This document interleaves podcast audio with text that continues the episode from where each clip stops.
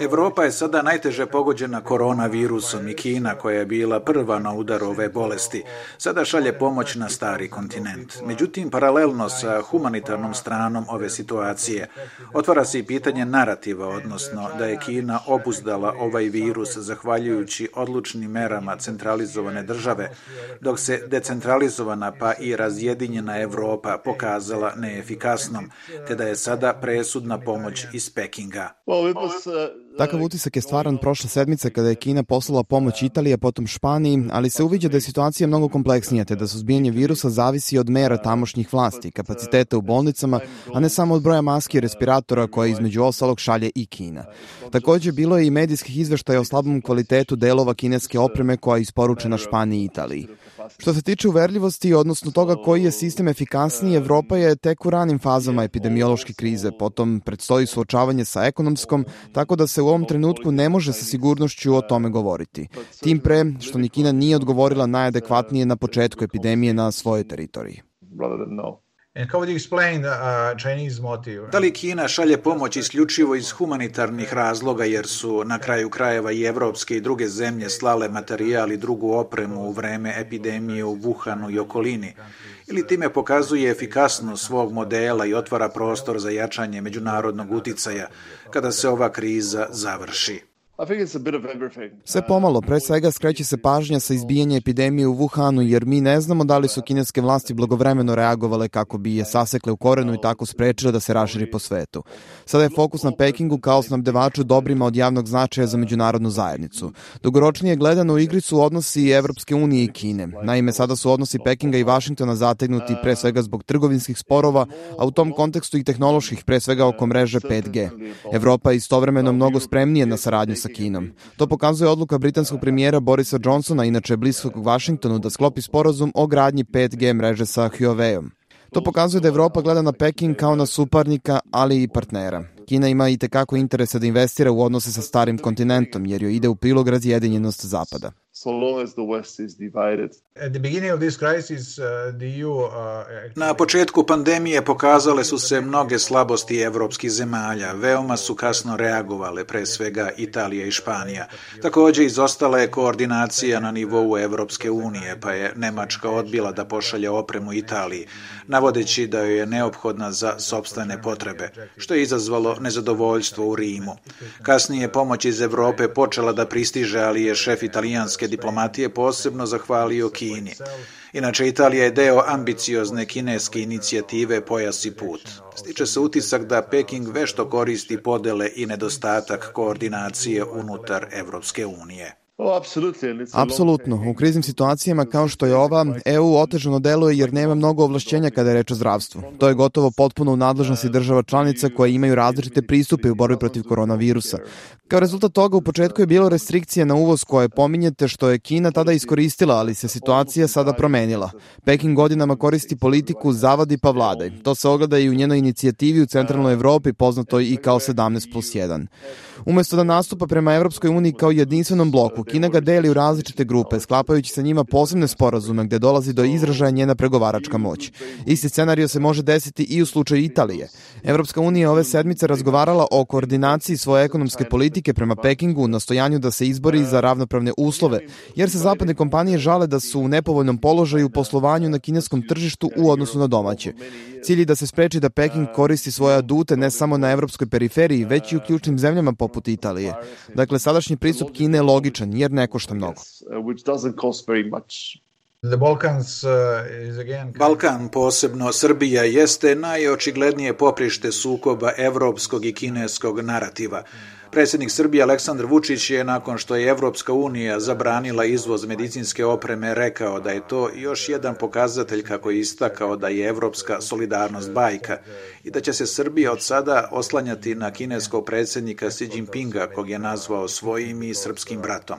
Kako vi čitate ovu poruku, imajući u vidu da je i pre krize Vučić sedeo na dve stolice, najpre između Evropske unije i Rusije, dok se sada tu pojavljuje i Kina, koja je daleko aktivnija i prisutnija u ovom regionu.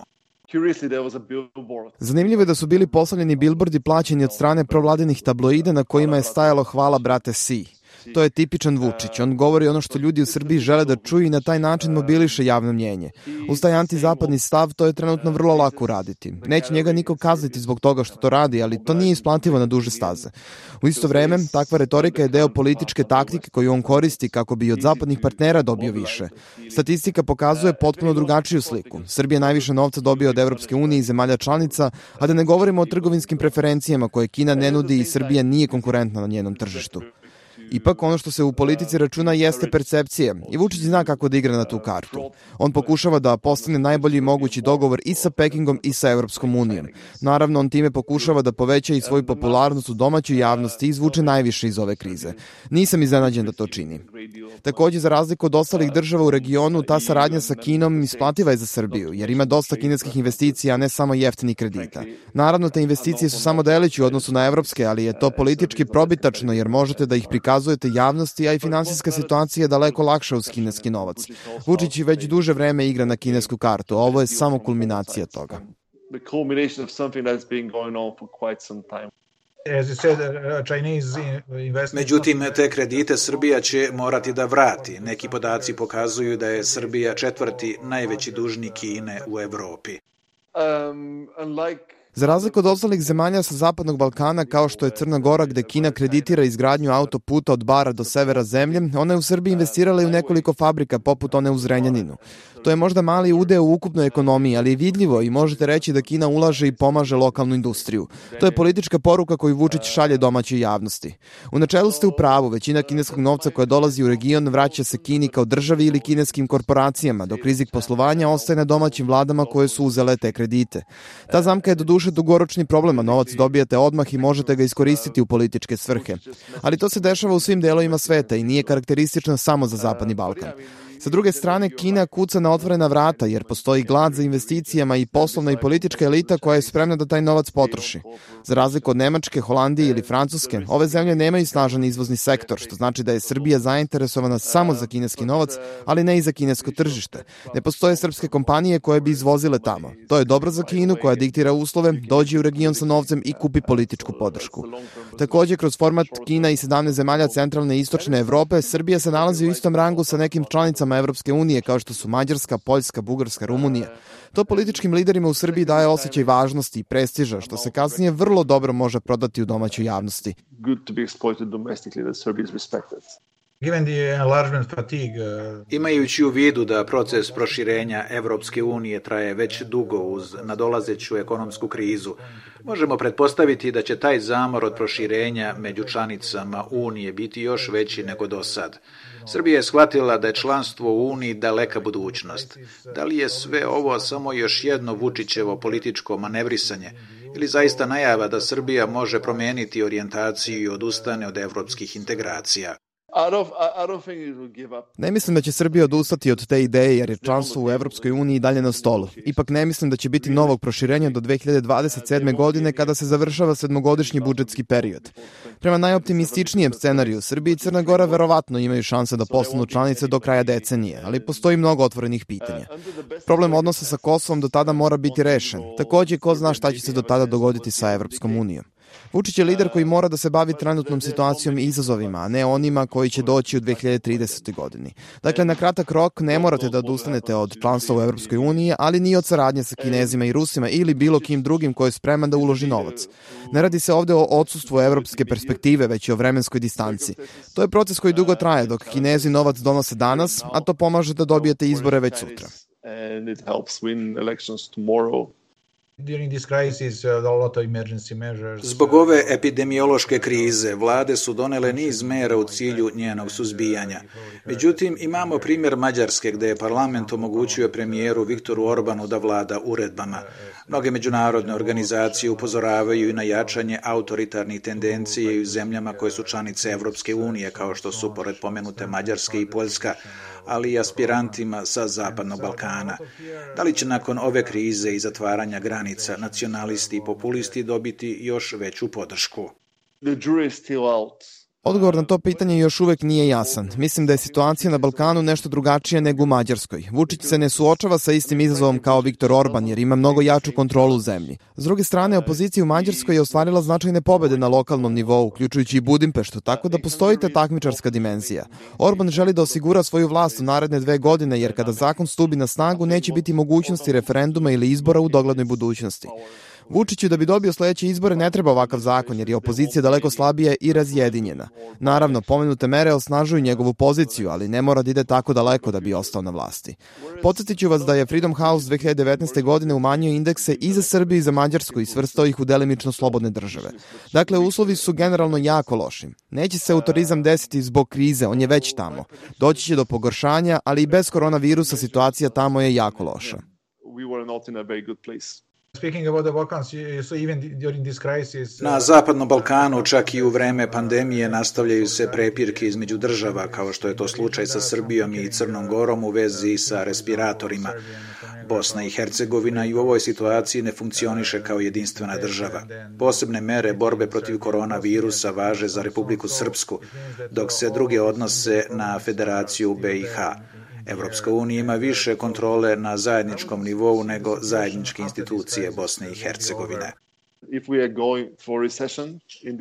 U slučaju recesije u eurozoni to će dovesti do stagnacije na Zapadnom Balkanu. 2008. i 2009. godine ti pokazatelji su bili veoma loši podstakli su migracije iz regiona, zatim slabljenje pravne i jačanje zarobljene države. Srbija je bila u dubokoj recesiji, tek sada je počela da beleži rast. Ako budemo ponovo morali da se borimo sa ekonomskom depresijom, imaćemo još izraženiji status quo nego ranije u vidu autoritarnog načina vladanja i nacionalizma.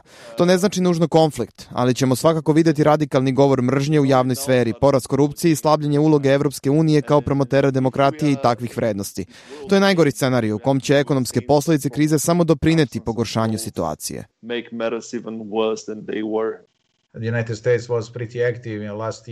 Vidite li u slučaju Srbije i Kosova nakon velikog angažmana SAD-a u poslednje vreme mogućnost za dogovor? Osim spora Beograda i Prištine, situaciju dodatno otežavaju i politički sukobi na samom Kosovu.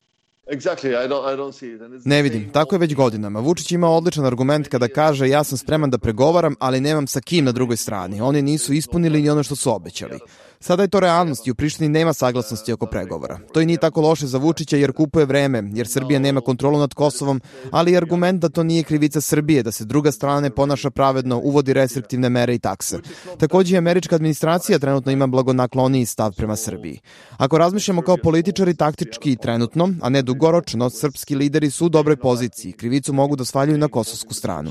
Mislim da će Vučić profitirati u ovoj situaciji. And Vučić will profit from this situation, I guess. To je verovatno dobro za Vučića, ali ne i za srpsku demokratiju. Spomenuli ste i Orbana. Na poslednjim izborima za Evropski parlament populisti su dobili podršku, ali ne toliko koliko se očekivalo. Međutim, sada vidimo nezadovoljstvo u Italiji i Španiji oko brzine i količine pomoći Evropskoj uniji, kada je reč o borbi protiv koronavirusa. Da li će to pomoći imate u Salviniju, ali i drugim populistima da ponovo upru prstom u Evropsku uniju i kažu kako je disfunkcionalna? Očekujete li nakon ove krize dalje podrivanje demokratije i rast populista i nacionalista u evropskom bloku? To može biti slučaj. Na kratki rok mainstream političari dobijaju podršku. Macronov rating je visok kao i popularnost Angele Merkel u Nemačkoj. Međutim, stvari se mogu promeniti preko noći, pogotovo ako recesija bude duboka. Koronavirus će doći i proći, ali ekonomske posledice mogu biti veoma ozbiljne i potrajati godinama. To može biti povoljna klima za jačanje populističkih i anti-establishment stranaka. Moguće su dva scenarija. Sa jedne strane, možda će ovo biti priča o, o uspehu mainstream partija i same Evropske unije koje su uspele da prebrode krizu zahvaljujući kolektivnom naporu. Sa druge strane, u slučaju da ekonomske posledice budu pogubne, to može dovesti na vlast Salvinija, Marine Le Pen i slične političare koji će onda iznutra podrivati evropski projekat. To sada jednostavno ne možemo znati. Do kraja godine stvari će biti mnogo jasnije. End of the year, the picture will be much clearer. Dolaskom Trumpa na vlast pre skoro četiri godine, globalizacija je počela da usporava. Da li će granice ostati zatvorene i nakon epidemije koronavirusa u smislu jačanja protekcionizma? Takođe, očekujete li da će se svet manje oslanjati na Kinu kao globalnog snabdevača? Neki govore o potrebi globalizacije 2.0. Da, to može biti slučaj, pogotovo ako uzmemo u obzir smanjenje zavisnosti SAD-a u odnosu na kinesku ekonomiju i snabdevače, što može dovesti do toga da firme više ulažu u domaći kapital i kapacitete. Regionalizam može biti neki srednji put između nacionalizma i globalizacije, što će opet imati posledice na Evropu. Evropske ekonomije su previše male i zasebni pristupi na nivou država nisu dovoljno efikasni. Mislim da i u slučaju globalizacije 2.0 Evropa može imati značajnu ulogu. Verovatno će biti mnogo više protekcionizma, odnosno dublje saradnje na evropskom nivou. To znači da će Zapadni Balkan, bez obzira što je članstvo na dugom štapu, imati veliki podsticaj da se priključi Evropskoj uniji. Many say that the world Mnogi govore i da svet nakon krize neće izgledati isto kao pre nje. Da li ćemo biti spremni da prihvatimo određena ograničenja kako bismo se zaštitili od ove vrste epidemija, klimatskih promena, bezbednostnih pretnji? Veoma je teško to predvideti, jer ova kriza zapravo može dovesti do više saradnje u određenim oblastima. Nacionalizam svakako nije dovoljno efikasan odgovor na ovakve zdravstvene krize, ani na globalnu ekonomsku recesiju. Jedan scenarij je svakako zatvaranje i smanjenje međunarodne povezanosti, drugi je regionalizacija. Naravno, moguće da će kriza, naročito srednjoročno i dugoročno, dati zamajac saradnje na globalnom nivou i revitalizovati ulogu G20. Ponavljam, veoma je teško govoriti o tome iz sadašnje perspektive i nužna je izvesna istorijska distanca. Trebalo nam je deceniju da sagledamo posledice svetske ekonomske krize iz 2008. godine. Možda će nam trebati još jedna decenija da spoznamo važnost sadašnjeg trenutka. What is the significance of the current moment?